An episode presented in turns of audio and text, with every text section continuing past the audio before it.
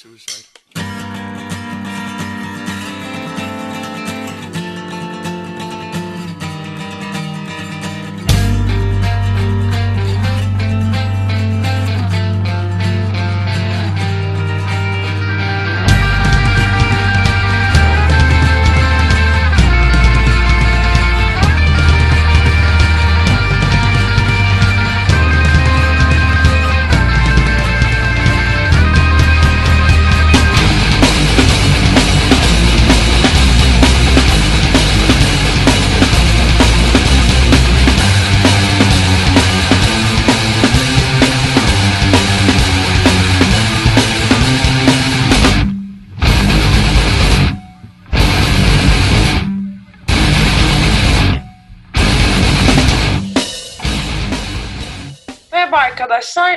Gençlik Komitelerinin 1 Mayıs kürsüsü yayınlarından bir tanesiyle daha karşınızdayız.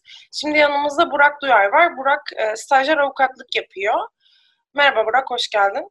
Merhaba, hoş bulduk. Nasılsın? Nasılsın? İyiyim, sen nasılsın? İyiyim, sağ olasın. Ee, istersen sorularla başlayalım. Olur, olur. Ee, ya az önce de söylediğim gibi stajyer avukatlık yapıyorsun. Hı hı. Aslında stajyerlik demek e, ciddi anlamda kölelik şartlarına çalışmak anlamına geliyor şu anda günümüzde. Çünkü Evet. çok cüzi miktarlarda para ödeniyor sizlere. Hatta neredeyse ödenmiyor. Hiç ödenmeyenler de var. Ama iş yükünüz mesleki e, bir yani çalışma ortamına geçtikten sonrakinden çok daha fazla. Aslında bütün işleri size yaptırdıkları bir durumla karşı karşıyayız. Bu da zaten sömürünün giderek arttığı anlamına geliyor. Sizler üzerindeki sömürünün giderek arttığı anlamına geliyor. Hele ki avukat stajyerliği çok çok daha ağır e, bu anlamda. Özellikle dosya yükü anlamında. Birazcık stajyerlikten bahsedebilir misin bize? Ya dediğin gibi aslında ya stajyer avukatlık hem avukatlık yaparken hem de avukatlığın ge- getirdiği kazanımlardan yararlanamadığın bir grup, yararlanamadığın bir pozisyon.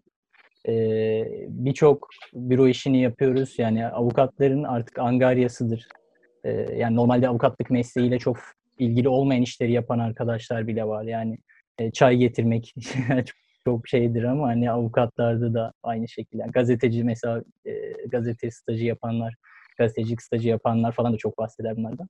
E, bu tarz angarya işleri de yapıyoruz ama onun dışında hani mesleki olarak gerçekten dilekçe yazmaktan adliye işlerinin e, yapılmasına, orada koşturulmasına, orada kalemle muhatap olmaktan işte icra dairelerine. İcra daireleri çok şeydir. E, stajyer avukatlar için bir stajyer avukattan duyacağın ilk e, herhalde şey icra dairelerinde nasıl süründüğüdür. E, bu tarz birçok işi yapıp e, aynı zamanda çok düşük bir para hatta e, yasal olarak bu parayı ödemek zorunda değiller. Bununla ilgili senelerdir talepler var. E, stajyer avukatlara devlet tarafından bir e, ücret verilmesi, asgari ücret verilmesi için. Çünkü hakim ve savcı stajyerleri alıyor ve e, yanlış hatırlamıyorsam 5,5 bin lira gibi bir şeyle başlıyor yani stajyer ücretleri. E, aynı stajları yapıyoruz. Mahkeme kalemlerinde yani ilk 6 ay biz adliye stajı yapıyoruz. ikinci 6 ay avukat yanında stajı oluyor. E, süreç bu şekilde. Bir senelik zorunlu staj var avukatlık ruhsatı alabilmek için. E, ilk 6 ayda belli mahkemelerde, e, kalemlerde vesaire e, bir staj yapıyoruz belli sürelerle. Yani 15 gün bir mahkemede, bir ay başka bir alanda faaliyet yürüten mahkemede. Bu şekilde yani hakim ve savcı stajları da e, o şekilde yani belli mahkemelere atanıyorlar, e, veriliyorlar. Orada e, staj görüyorlar. Tabii ki yani staj görünüyor denmez. Fiiliyatta kimse kalemleri mahkemeye yani gitmez genelde. Çünkü imza atıp e, dağılırsın. O biraz o şekilde yürüyor adliye stajı. Ama tabii yani hani hakim ve savcı stajı stajyerleri ücret alıyor. İşte ne bileyim daha rahat, onlara daha farklı davranıyor kalem. Stajyer avukat böyle hani e, O kadar da gerçekten hiçbir şey. vasfının olmadığı bir şey yani. Hani herhangi bir yani şey için söylemiyorum, seçkincilik için söylemiyorum ama sonuçta o adliye e, faaliyetinin, adli faaliyetin bir parçası olarak orada duruyoruz. Adliyede zaten Evet. hiyerarşinin yüksekliği çok gözler önünde Evet. olan bir şey. o Evet, anlamda yani- anlayabiliyoruz yani. dikkate alınmıyorsun orada e, stajyer avukat olarak. Ee, onun dışında zaten ilk 6 ayda genelde biz avukat yanı stajlarına devam ediyoruz. Yani hani e, bu herkesin bildiği bir şey. Zorunlu olarak, kesintisiz olarak mahkemelerde staj yapmak zorundayız. Ancak e, tabii ki para da kazanmak zorundayız. E, bize bir sene boyunca öden herhangi bir para ödenmesi e, yasak. O nedenle geçinememek yani geçinememek çok doğal stajyer avukatken ve buna karşı da herhangi bir çaba, herhangi bir e, yasal düzenleme vesaire gibi bir çabası yok. Hiçbir zaman olmuyor yani. Bu dönemde de çok dillendiriliyor. Olmuyor. Dediğim gibi hani e, bir yandan biz ilk 6 ayda e, avukat yanı bürolarda çalışmaya devam ediyoruz. Normalde yasak bu. Yani ilk 6 ay çalışmak.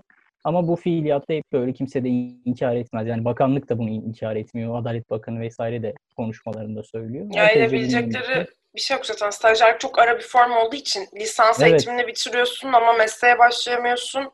Bir yandan evet. hayatını idame ettirmen gerekiyor ama bir yandan da aslında hala o eğitimin verdiği yok e, sorumluluklar devam ediyor gibi bir durum var. Evet. bir de sanıyorum stajyerlerin tabii çalışma süreleri daha uzun oluyor mesleği icra eden kesime oranla. Yani daha evet, uzun yani saatler çalıştırıldığımız bir... değişiyor. Bürolardan bürolara değişiyor. Yani genelde farklı tip bürolar da var şimdi. Yani o klasik anlamda küçük bürolardan ziyade son dönemde böyle daha Anglo-Sakson, Amerikan vesaire hukuk sisteminde olan böyle danışmanlık veren e, yabancı yatırımcılara vesaire hukuki destek veren bürolar var. Onlar zaten fiyasko yani herhangi bir şey başta da söylüyorlar bunu hani çok kanıksanmış da bu alanda uzun çalışma saatleri. Yani 12 saatten daha fazla çalışmalar. Hatta bürolarda duş alınabileceği vesaire söyleniyor bazı bürolarda. Hani bildiğin suite gibi. Orada yatabiliyorsun falan. Çok da anlayışlılar. Ee, Çok iyi. Bu tarz bu tarz şeyler var gerçekten hani hani onların aldığı ücret yani tabii ki bir stajyerin ortalama ücretine göre daha yüksek oluyor. Dolarla verenler var işte. 3 bin 4 bin lira maaş alanlar var ama tabii ki kölece çalışma koşulları ve onlar da aslında aynı şeyi yapıyor. Yani e, yarattığı değer çok daha yüksek. Avukatın e, omzundan aldığı iş çok daha yüksek. Ama tabii ki e, her alanda olduğu gibi yani avukat, patron avukat bunu alıyor. Yani vermek zorunda bile değil aslında gerçekten yasal olarak. Anladım. Bütün yükü de çekmiş oluyoruz. Birazcık taleplerden bahsedelim istersen. Çünkü çok sorunların olduğu bir alan olduğu için stajyerlik. Yani sadece avukat stajyerliği anlamında değil. Hemen hemen bütün meslek gruplarında durum aynı. Avukat yani hukukun stajlarında biraz daha belki şeyden bahsetmek mümkün. Sizde zorunlu yani siz staj yapmadan mesleğe başlayamıyorsunuz. Ben radyo televizyon sinema okuyorum. Stajım var ama yapmak zorunda değilim. Hani yapmasam da mesleğe başlayabiliyorum ama bu tarz zorunluluklar artı bahsettiğin koşullar zaten talepleri otomatik olarak çok daha fazla arttırıyor. E, stajyerlerin taleplerinden birazcık bahsedebiliriz. Yani dediğim gibi sen mesela dedin işte biz mesleğe direkt başlayabiliyoruz. Yani biz mesleğe başlayamamamızın de, yani böyle bir yasal düzenleme öngörülmesinin aslında mantığında yatan şey bizim o süre, pratiği öğrenebilmemiz. Yani 4 senelik hukuk fakültesi eğitiminden sonra adliyelerin işte ya da o dilekçe işlerinin vesaire pratiğinin nasıl olduğunu öğrenebilmemiz için öngörülmüş bir mekanizma staj. Ama bundan çok daha farklı olarak sömürülmeye gidiyor biraz önce bahsettiğim birçok sebepten dolayı. E, dolayısıyla bunlar zaten talepleri direkt e, gösteriyor. Yani bizim talebimiz tabii ki e, kölece çalışma şartlarının artık stajyerlere uygulanmaması. Herkes bize meslektaşım diyor. Yani biz meslektaşları mağdur etmeyiz diyor stajyerlere yönelik olarak. Genelde patron avukatların söylemi budur. Ama gerçekten biz şey istiyoruz yani. Meslektaşı olarak e, görülmek ve e, buna göre çalışma koşullarının düzenlenmesini istiyoruz. Asgari ücret kesinlikle verilmesi gerekir. E, onun dışında e, gerçekten yani ilk 6 ay adliyede zorunlu olarak staj e, zamanında da devlet tarafından bir paranın yatırılması gerekir stajyer avukata. Çünkü açlığa mahkum ediliyor. İnsanlar e, artık öğrenci kredisi alamıyor öğrenci olmadığı için herhangi bir şey ödenek alamıyor ama burada bu stajları yürütmek zorunda kalıyorlar. Bu çok büyük zorluklara neden oluyor.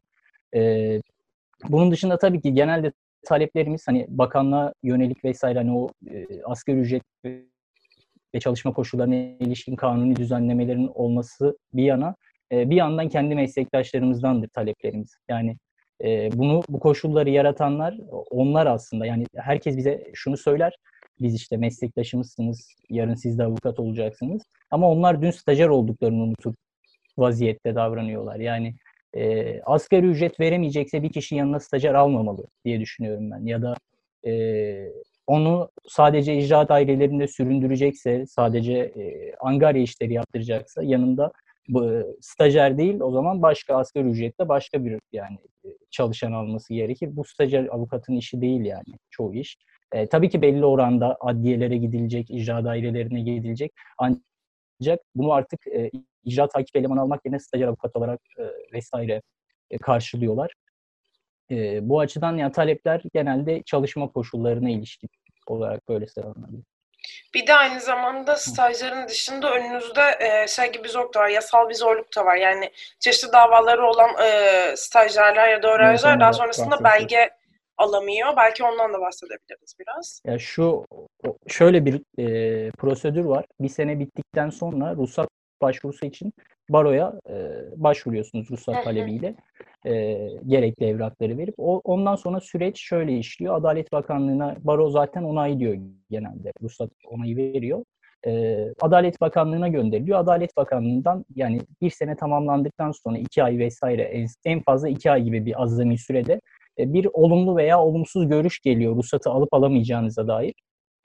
E, olumsuz görüş gelmesi durumunda e, Türkiye Barolar Birliği'nin önüne gidiyor ruhsat ve e, yani ruhsat alıp alamayacağınıza ilişkin başvuru. E, bu durumda da TBB bir karar veriyor. Ruhsatı alabilir diyor. Yani bu ısrar kararı oluyor. E, ruhsatı alamaz derse de Adalet Bakanlığı'nın görüşüne uyup size ruhsat vermiyor. Böyle bir prosedür var. Bu neye dayanılarak yapılıyor? Avukatlık Kanunu madde 5'e 3, 5. madde 3. fıkraya dayanılarak yapılıyor. E, maddenin birinci fıkrasında belirli suçlar sayılıyor. Bu suçlardan hali hazırda e, hüküm yemiş, 5. madde 1. fıkra hüküm, o suçlardan hüküm yemiş e, avukatların meslekten atılacağını, o avukatlık mesleği yapamayacağını e, ifade ediyor. Üçüncü fıkra da diyor ki çok absürt bir e, kanun hükmü.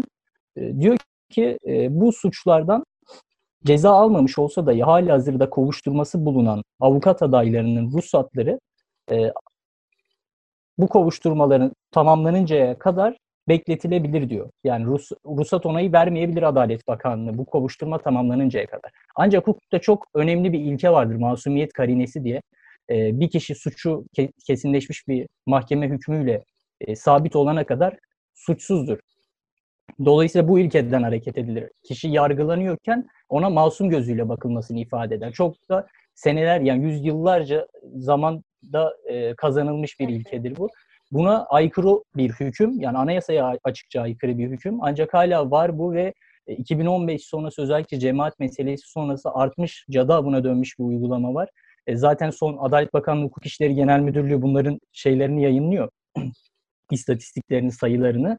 E, sadece buna ilişkin değil. Hani başka sebeplerle de başka maddelere dayanılarak verilmeyen e, ruhsatın geri alındığı vesaire e, istatistiğini de yayınlıyor ama Hı hı. büyük ölçüde 5'e 3'ten kaynaklı olarak bir artma var bu sayılarda. Yani 2010'lu onun başındaki yıllarda 10 tane 20 tane böyle e, arkadaş varken, avukat adayı varken bugün son 2019'da 500'ü aştı bu sayı ve her geçen e, senede ikiye katlayarak gidiyor. Yani 2018'de 300 küsürdü, 2019'da e, 500 küsür oldu. Baroların da buna ilişkin tutumları ne yazık ki iç açıcı değil çünkü e, her ne kadar barolar ısrar kararı vermeleriyle övünse de yani Adalet Bakanlığı e, olumsuz görüş bildirdikten sonra TBB ki onu da vermiyordu. Geçen seneye kadar ısrar kararı dahi vermiyordu. Bu sene o uygulamadan vazgeçtiler. Ancak yerel barolar, Türkiye Barolar Birliği bu işle ilgili yeterince ilgilenmediğini düşünüyoruz biz. Şöyle bir e, durum var. E, ne buna ilişkin komisyonlar kuruldu. Biz çok talep ettik bugüne kadar. Yani bununla ilgili raporlar hazırladık. E, baro başkanları, yerel bazı yerel baro başkanlarıyla görüştük. Ancak e, herhangi bir sonuç alamadık bugüne kadar. E, dolayısıyla bu cadı avı devam ediyor ve e, bunu hatta şey diyenler oldu. Yani biz cemaatçiler bu işle ilk e, muhatap olduğu için biz cemaatçileri baroya aldık dedirtmeyiz diyerek yani baro başkanı bir baro başkanı söyledi bunu. Biz cemaatçileri baroya aldırdık dedirtmeyiz. Cemaatle adımız yan yana gelsin istemeyiz dedi. Ya halbuki mesele ya da hani cemaattir ya da başka bir şeydir değil. Burada açıkça bir hukuka aykırılık var ve e, bir insan avukatlıktan ediliyor. E, buna ilişkin de hiç yani bir sonuç Öyle alamadık. Bunu yani önümüzdeki zamanda yine e, dile getireceğiz. Hep dile getirdik. Çalışma da yürütüyoruz birçok kurumla. Ben Çalış Kuşlar Derneği üyesiyim. Öğrenci Aslında- ve stajyer komisyonu olarak e, faaliyet yürütüyoruz. Hani birçok kurumla da e, konuştuk, ettik vesaire. Önümüzdeki dönemde de buna ilişkin çalışma yürüteceğiz. E, Birazcık için o bu şekilde. E, bu tarz derneklerden bahsedebiliriz belki. Çünkü Hı-hı. öğrencilerin bir araya geldiği çok fazla e, yapı var hali hazırda. Yani Hı-hı. öğrenciler örgütlenebiliyorlar bu konuda çok da fazla hani seçenek var en azından bir şekliyle üniversite inisiyatifleri var, direnişler var, onun dışında çeşitli zaten yapılar var vesaire vesaire. Bu sayıyı arttırabiliyoruz ama stajyerlerde durum ne? Yani daha çok herhalde sen de hukuk stajyerleri üstünden ilerleyeceksin ama genel olarak stajyerlerin örgütlenmesine yönelik çeşitli yapılar var mı? Yani ben kendi alanımdan işte derneklerden bahsedebilirim. Çağdaş Hukukçular Derneği üyesiyim. Ben orada stajyer, yani öğrenciyken orada faaliyet yürütmeye başladım. Şimdi stajyerim. Ee, başka kurumlar da var tabii yani. ÖED var ee, işte ne ölçüde şeyleri vardır ö, komisyonları vardır bilmiyorum ama sosyal hukuk gibi dernekler var. Yani burada faaliyet yürüten arkadaşlar olduğunu biliyorum. Ancak hani stajyer e, komisyonu var mıdır? Stajyerlere ilişkin ayrıca bir komite vesaire kurulmuş mudur onu bilmiyorum. E, benim bildiğim ÖED'nin var. E, bir de Çağdaş Hukukçular Derneği'nin böyle bizim böyle bir komitemiz var. 3-4 senedir faaliyet yürütüyoruz. E, ya o açıdan aslında ya barolarda da şeyler var. E, ya sadece stajyerlere ilişkin olmasa da farklı e, komiteler, işte alt komisyonlar vesaire oralarda faaliyet yürütüyor genelde arkadaşlar, stajyer olanlar, işte öğrenciler, hukuk öğrencilerin de katılabildiği bazı komisyonlar var. Oralarda faaliyet yürütebiliyor ama de, dediğim gibi ya baro evet önemli bir kurum e, meslek açısından. Ancak baroları da ilerletecek, baroları da zorlayacak e, bir pozisyonda olmamız gerektiğini düşünüyorum. Yani baroya baroya girdiğimiz zaman e, her zaman ilerleyemeyebiliyoruz o konuda. E, karşımıza ket çıkabiliyor. Siyasetçilerin bu, başka bir ayağı gibi de işleyebiliyor zaman zaman. Baro ya tabii çoğu yerel barolarda öyledir. Yani şimdi Konya Barosu ile İstanbul Barosu bir değil tabii. Ama İstanbul Barosu'nda da olsa bu e, her zaman yani biz düşünce fikirlerimiz, düşüncelerimiz sadece hukukla şekillenmiyor. O yüzden e, oraları da ilerletici pozisyonda olmamız gerekiyor. Ben hani o, o açıdan zaten o, o yüzden Çağdaş Hukukçular üyesiyim. Anladım. O yüzden stajyerlere de önerim hani şey olabilir yani. E, kendi görüşlerine uygun. Ama bu tabii ki hak mücadele, stajyerlerin haklarına ilişkin mücadeleyi gerçekten yürütebilecek yerlerde örgütlenmelerini isterim öğrenciler açısından da stajyerler açısından da en temel isteklerimiz herhalde bunlar oluyor zaten. Başka tabii, türlü tabii. mücadele yürütmenin çok bir mümkün evet. olmuyor çünkü. Ee, o zaman biz yavaş yavaş bitirelim istersen. 1 Mayıs Olur. kürsüsü e, kapsamında olan Hı. bir yayındı zaten sen de biliyorsun. Hı. 1 Mayıs kürsüsünden iletmek istediğin herhangi bir şey var mı? Yani şunu diyebilirim herhalde bir e, korona belasından geçiyoruz. E, bu pandemi zamanında hani 1 Mayıs tabii kutla muhtemelen alanlarda olunmayacak ama ben ayrı bir önem arz ettiğini düşünüyorum bu 1 Mayıs'ın da. Çünkü e, bu korona korona meselesi aslında sadece e, bu sebepten kaynaklı olarak bir krize yol açmadı, ekonomik krize. E, korona bir son e, faktör gibi diyeyim. Yani sebebi farklı krizler, senelerdir beklenen bir kriz var. E, bunun tetikleyicisi oldu. E, bu aslında bize şunu da gösterdi. Kriz derinleşiyor, e, sınıf mücadeleleri de keskinleşiyor. Bunu çok açık görüyoruz bugün. Yani üreten sınıf biziz, üreten sınıf biziz ve mücadele bununla mücadele etmek zorunda kalan sınıf da biziz. Korona ile mücadele etmek zorunda kalan sınıf. Bugün kargo işçileri çalışıyor, marketlerde kasiyerler çalışıyor, sağlık emekçileri e, acil servislerde, yoğun bakımlarda çalışıyor. E, bu yüzden 1 Mayıs asıl o anlamını orada buluyor bu sene. Yani biz krizlerin e, katliamların gölgesinde çok bir Mayıs kutlandı. E, o yüzden iş, iş sınıfı için bu ilk defa olan bir şey değil. Ama çok da anlamlı olduğunu düşünüyorum. Bundan sonraki hak kayıpları için de bizim için bu e, dönemi koronadan sonraki yani bu salgın karantina e, sürecinden sonraki durumu da e, iyi değerlendirmek, iyi mücadele etmek gerekiyor. Çünkü her kriz döneminden sonra genelde işçi haklarında bir kaybı gider. E, nasıl olacak bilmiyoruz bakalım. Yani o yüzden de iyi tespitler yapıp iyi mücadele örmek gerekiyor bundan sonrası için. Peki çok teşekkür ederiz Burak katıldığın için. Ederim, ee, sizlere de dinleyici ve katılımcı olduğunuz için çok teşekkür ederiz. Bir başka yayında görüşmek üzere.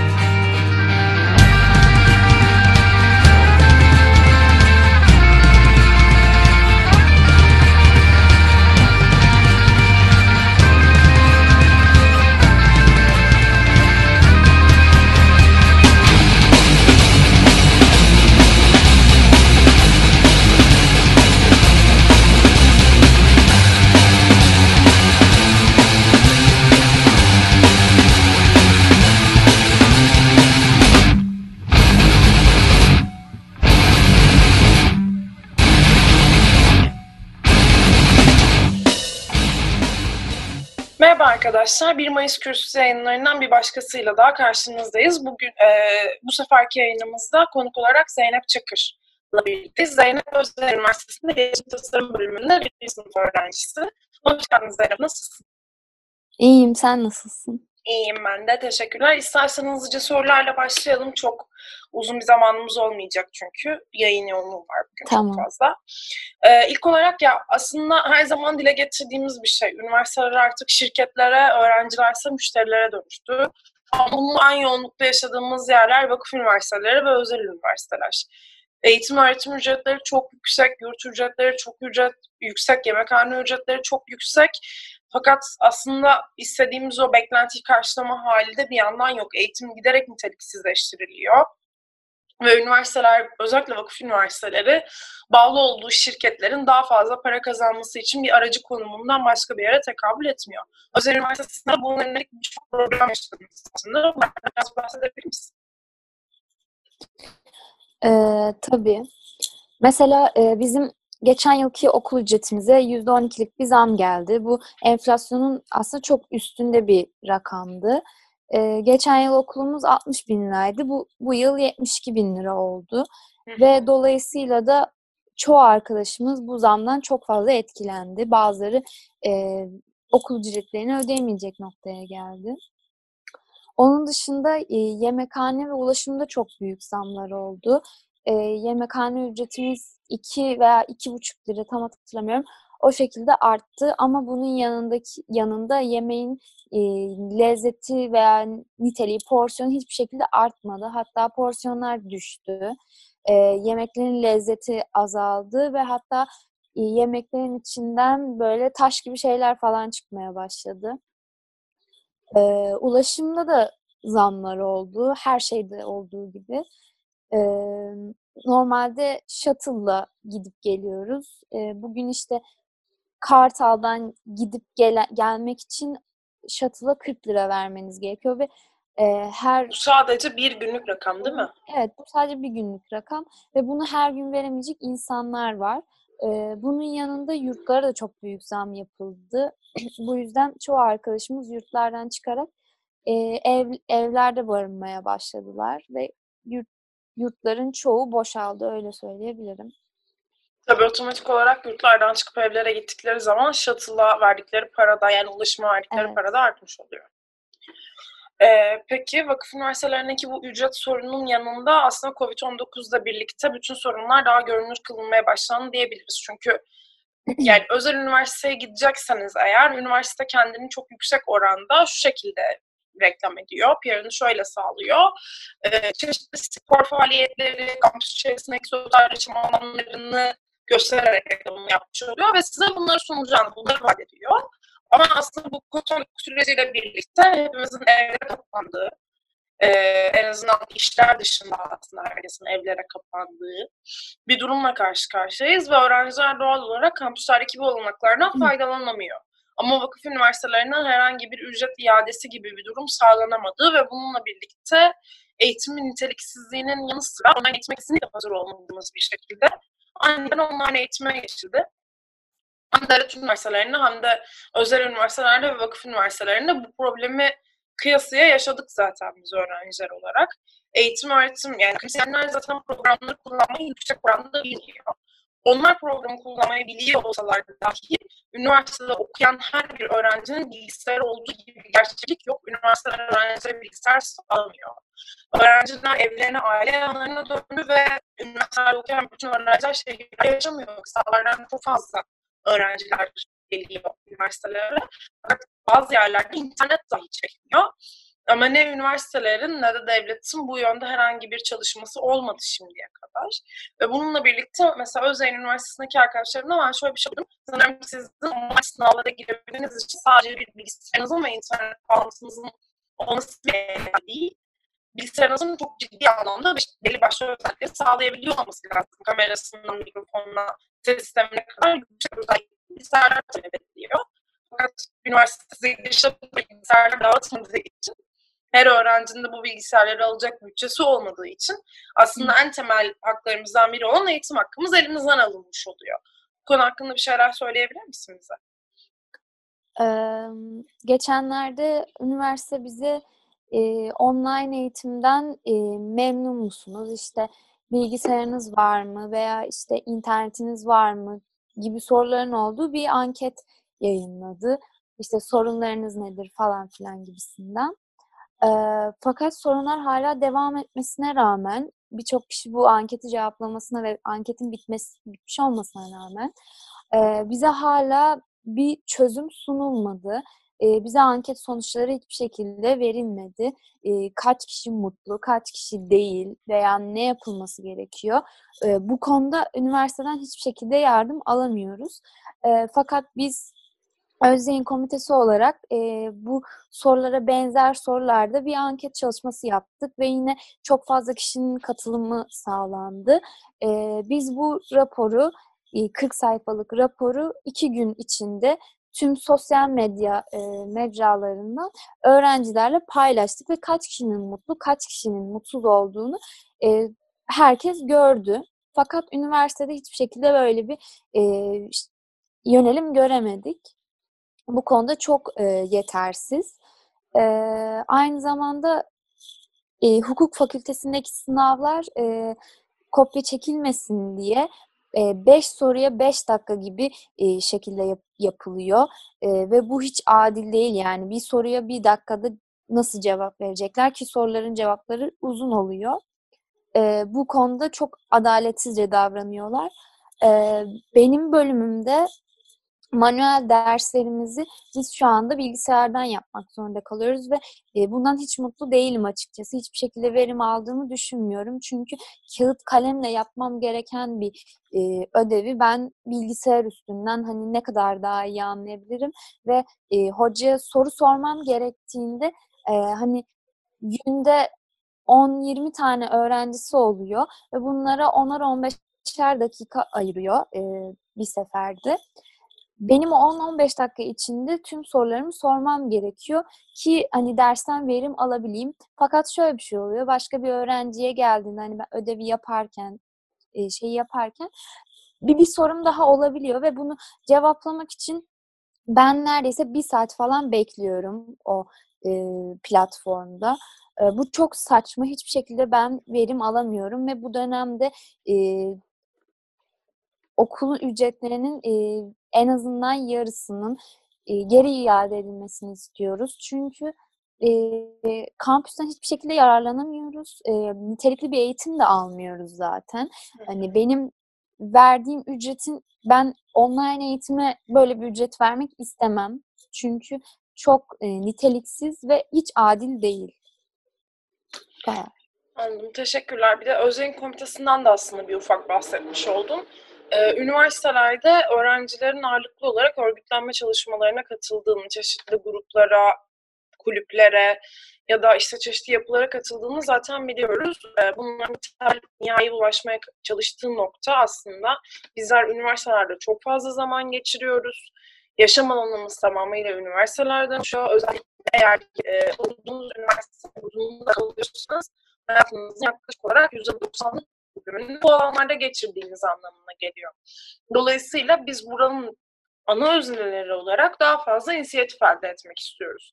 İhaleler olsun, zamlar olsun, yemekhane deki yemeklerin olsun, okulun yönetimi olsun aslında. Her noktada söz sahibi olduğumuzun bilincindeyiz ve bunu kazanmak için elimizden geleni yapıyoruz. Özel Üniversitesi de iki senedir çok ağırlıklı çalışmalar yürütüyor bu alanda. Özyeğin Üniversitesi'nde yapılan zamlara karşı öğrencilerle birlikte bir şeyler yapmaya çalışıyor ve çabalıyor ve aslında şu anda Özyeğin Üniversitesi'nin inisiyatifi haline almış durumda. Birçok üniversite açısından da örnek bir örgütlenme çalışması bu. Biraz Özyeğin Komitesi'nden bahseder misin? Özyeğin Komitesi olarak biz e, her zaman bu yapılan zamlara e, karşı tepkimiz oldu. Her zaman bir duruşumuz oldu.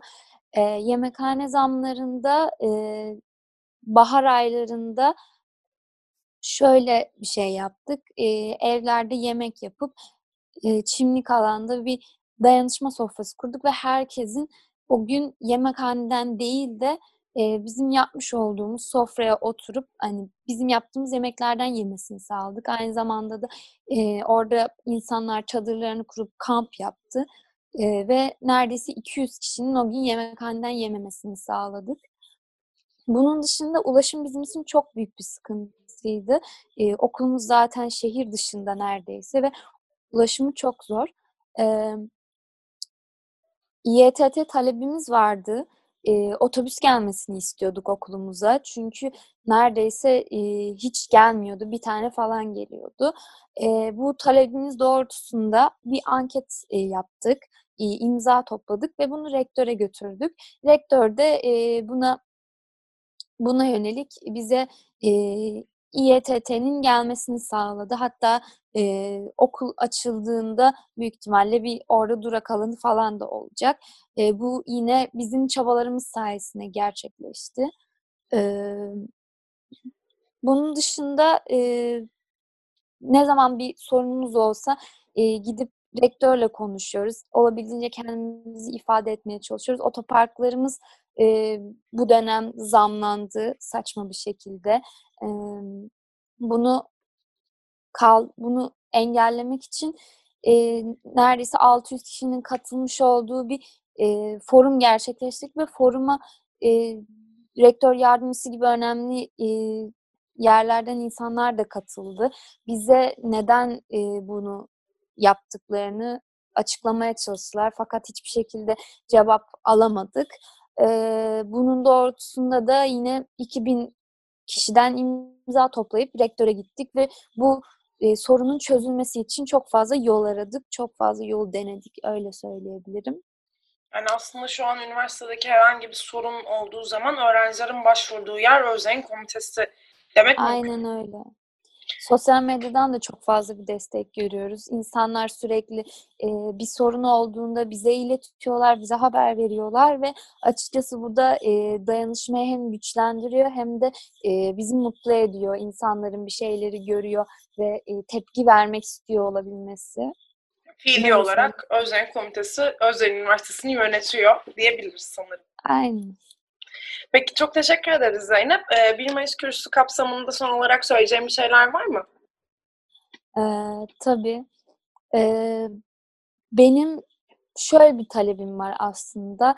Ee, eğitimde öğrencinin dinlenmesi, öğrenciye kulak verilmesini istiyorum. Çünkü bu bizim üniversitemizde e, neredeyse hiçbir zaman olmayan bir şey. Her zaman e, en memnuniyet sıralamasında üst sıralarda çıkan bir üniversite. Ben bugüne kadar işte 6 yıldır okulda olan arkadaşlarım var. Hiçbir zaman sen bu okuldan memnun musun diye sorulmadı. Ve hiçbir zaman da adalet adil bir şekilde hiçbir şey olmadı yani öyle söyleyebilirim. 5 soruya 5 dakika verilen sınavlar istemiyoruz. bu online eğitim sürecinde de adil bir eğitim istiyoruz. bu kadar söyleyebilirim. Teşekkür ederiz Zeynep katıldığın için. Sizler de katılımcı olduğunuz için çok teşekkür ederiz. Bir başka yayında görüşmek üzere.